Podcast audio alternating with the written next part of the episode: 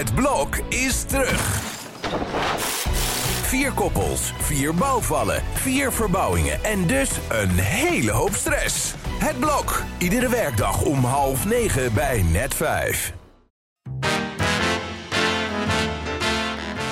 Dit is Trick Privé, de dagelijkse showbiz-update met Evert Zandgoeds en Jordi Versteegde. Ja, de wonderen zijn de wereld nog niet uit. Oud-presentator Frank Masmeijer werd veroordeeld voor cocaïnesmokkel, maar is opeens vrijgelaten. Veel mensen begrijpen niets van de vrijlating van de veroordeelde drugsmokkelaar. Waarom heeft de koning hem gratie verleend? Ja, heb jij een factuurtje gestuurd, vraag ik me ten eerste af, uh, Evert. Nou, ik vraag me af of dat kan als ze vergeten de naam privé te noemen. Dus uh, ja, Oh, ja, je je- ziet sommige collega's er keurig naar verwijzen, anderen niet. Maar we beheersten wel het nieuws in ieder geval eh, gisteren de hele dag. Ik zat wel te denken vanochtend, hij is natuurlijk op 15 juni is hij vrijgekomen. Mhm. Ik denk dat de afgelopen maand voor hem leuker was dan eh, de dag van gisteren dat het eh, publiekelijk bekend werd. Ja, dat denk ik ook. Er zijn foto's opgedoken, althans bij ons, van eh Frank Masmeijer op het strand van Noordwijk. Nou, dat was niet gisteren, maar de dag ervoor. De stilte voor de storm. En hoe hij het ervaren heeft, ja, het is hem allemaal niet meegevallen. Ik heb gisteravond tot laat nog wel contact met hem gehad. En dat werd hem allemaal wel wat veel. Want wat hij dacht, het wordt één grote rehabilitatieshow. Ja, dat heeft niet zo uitgepakt. Er is erg veel kritiek, erg veel onbegrip over de, de vrijlating. En eh, daar heeft hij een maand in alle rust van kunnen genieten. Maar nu is dat wel even anders, ja. Maar, en- maar sorry hoor, maar is dat niet een beetje, eh, ja, ik bedoel, je kan het toch wel ergens zien aankomen als je negen jaar lang, eh, je bent veroordeeld tot zo'n zo'n lange Ja, straf. maar dan- als je de achtergronden kent en die kent hij alleen, Ja. en dan, dan denk je van, eh, ja, mensen zullen het wel begrijpen dat ik na zeven jaar uitgezeten heb, hoewel het maar drieënhalf jaar effectief was. En als ik zeg maar drieënhalf jaar, ik weet niet of je wel eens in de gevangenis geweest bent, maar dat is Nee, echt gelukkig niet. werkelijk Ja, verschrikkelijk. Om, ja, op bezoek hoor. je bent in Antwerpen geweest toch bij hem destijds? Ja, niet in de cel. Het was op, op het moment dat hij even vrij was. Maar ik ben wel eens in een Belgische gevangenis geweest. Mhm. En dat was werkelijk verschrikkelijk. Ik liep daar eh, buiten bezoektijd om, omdat ik iemand zag gaan interviewen met een wat oudere cipier mee. ik denk, nou, die man is wat ouder, ik zal de deur voor hem open houden. En eh, ja, die was dicht.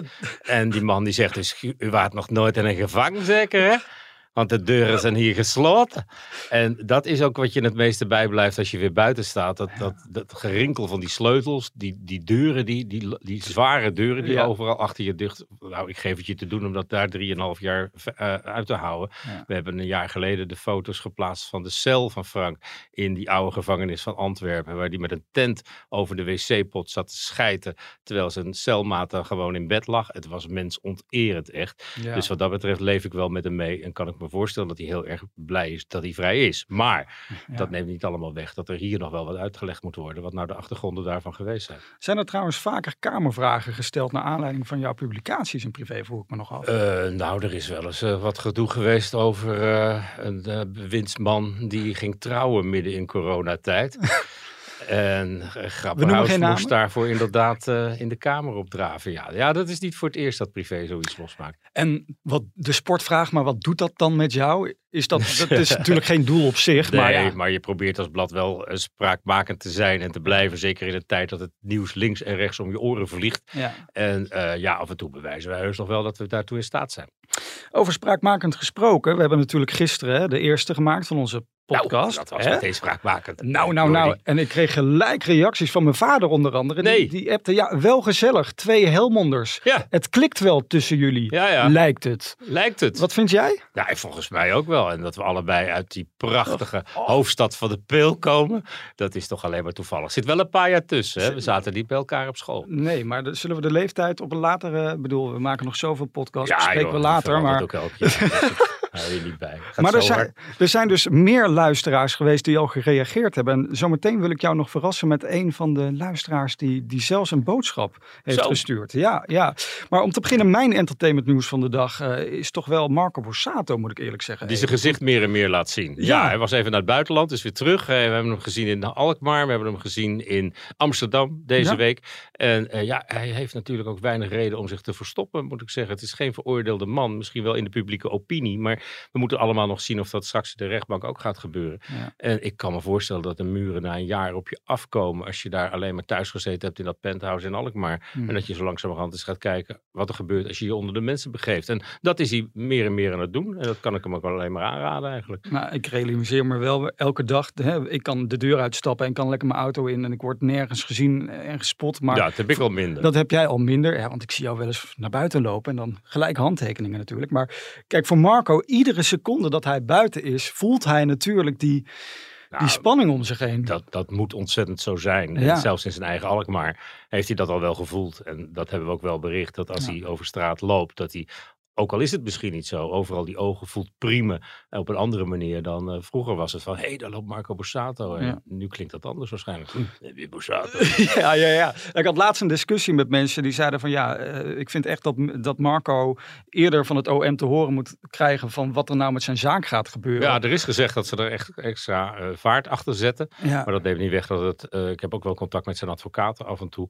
Dat er gewoon eh, eh, ja, zorgvuldig gewerkt wordt. Juist omdat het zaak is die zo ontzettend onder de loep ligt. Ja, maar vind dat jij dat, vind, jij dat, vind je dat terecht? Ik heb- ben namelijk van mening van ja, hij- ja, je bent een bekende Nederlander in goede tijden en in slechte tijden. Ja. Waarom zou dit dan sneller moeten gaan? Nou, mevrouw Justitia heeft natuurlijk een, een, een, een, een hoe heet zo'n ding om? Een, een blinddoek om. ja. Maar eh, ik, ik denk dat een zaak die de gemoederen in het land zo bezighoudt. dat je dat met op een iets andere manier mag bekijken dan eh, de eerste de beste winkeldiefstal. Wat ik wel hoop, echt oprecht, dat hij ooit nog terug mag keren op het podium. Want los van alles wat er speelt. eh, Nou, dat zal ja, afhangen van wat er naar buiten komt. En zeker met de liedjes die hij zingt en de gevoeligheden die hij daar weer losmaakt, Ja. eh, denk ik dat je er gewoon heel goed naar moet kijken. Dat zijn ze aan het doen. Ja. Maar ja, na de zomer zullen we er wel meer over horen, maar eerder zeker niet. Iemand eh, die trouwens ook weet hoe het is om alle ogen op je gericht te hebben, is Amalia. Gisteren is naar buiten gekomen waar ze dan ongeveer gaat wonen. Ja.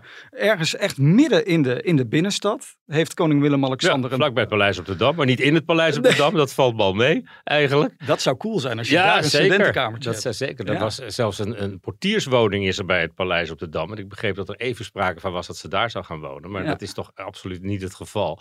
Maar het is wel op een, eh, een korte afstand daarvan. En eh, ja, ze heeft een prachtig huis gevonden.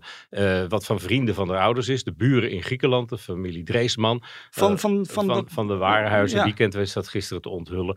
En dat zijn de, de, de buren in Griekenland. Waardoor ze eigenlijk ook aan het huis in Griekenland gekomen zijn.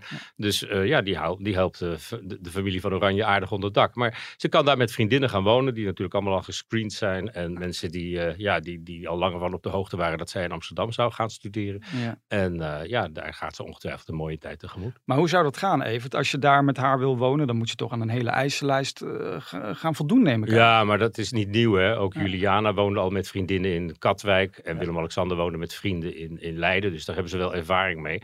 Dus die zijn de afgelopen jaren al een beetje geselecteerd. Van als jij dan ook gaat studeren tegen die tijd, dan is het misschien wel één huis. En nou ja, het is al opvallend dat ze een huis gehuurd hebben, niet gekocht hebben. Dat was in Leiden met Willem-Alexander toen anders. En eh, ja, eh, Am- Amalia die eh, heeft ge- Amsterdam gekozen. En dan loop je tegen een paar problemen op, zoals het parkeerprobleem. Ja. Maar daar schijnt al een oplossing voor gevonden te zijn. Er is een, voor de deur van dat huis een parkeerplaats vrijgemaakt. En daar kan ze parkeren. En dat gaat natuurlijk allemaal onder het mom van de beveiliging en de, en de veiligheid. Zou ze dan zo'n bureau gaan rijden, zoals je die overal in Amsterdam ziet? Ik geloof niet dat die nog zo aantrekkelijk zijn dat je die ook niet meer overal neer mag zetten. Oh ja, dat, daar heeft Femke Halsema voor in, in gezorgd. ieder geval voor de, voor de bewaking, die moet kunnen parkeren. En Ja. dat is al geregeld. Heb je al een fotograaf aangenomen die daar gewoon dedicated eh, iedere dag eh, foto's gaat maken? Want dat wordt- Jordi, ja, dat wordt een nieuwe hotspot van. heb je wel eens gehoord van een mediacode?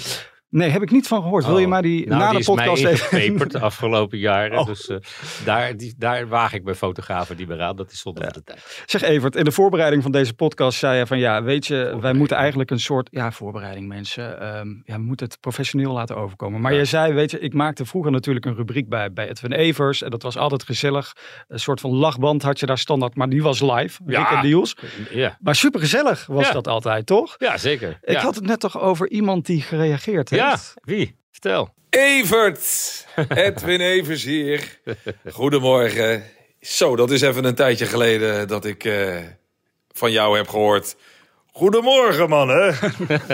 Eh dat is heel lang geleden, Evert. Maar je hebt toch weer je plek gevonden in een soort moderne vorm van radio. De podcast. Het bloed kruipt toch waar het niet gaan kan, blijkbaar. Dat is goed om te horen. Ja, ik bedoel, toen jij bij mij op weergaloze wijze natuurlijk het shownieuws deed, toen bestond heel de podcast nog niet. Sterker nog, volgens mij was het toen nog ineens kleurentelevisie. Zo lang is het geleden.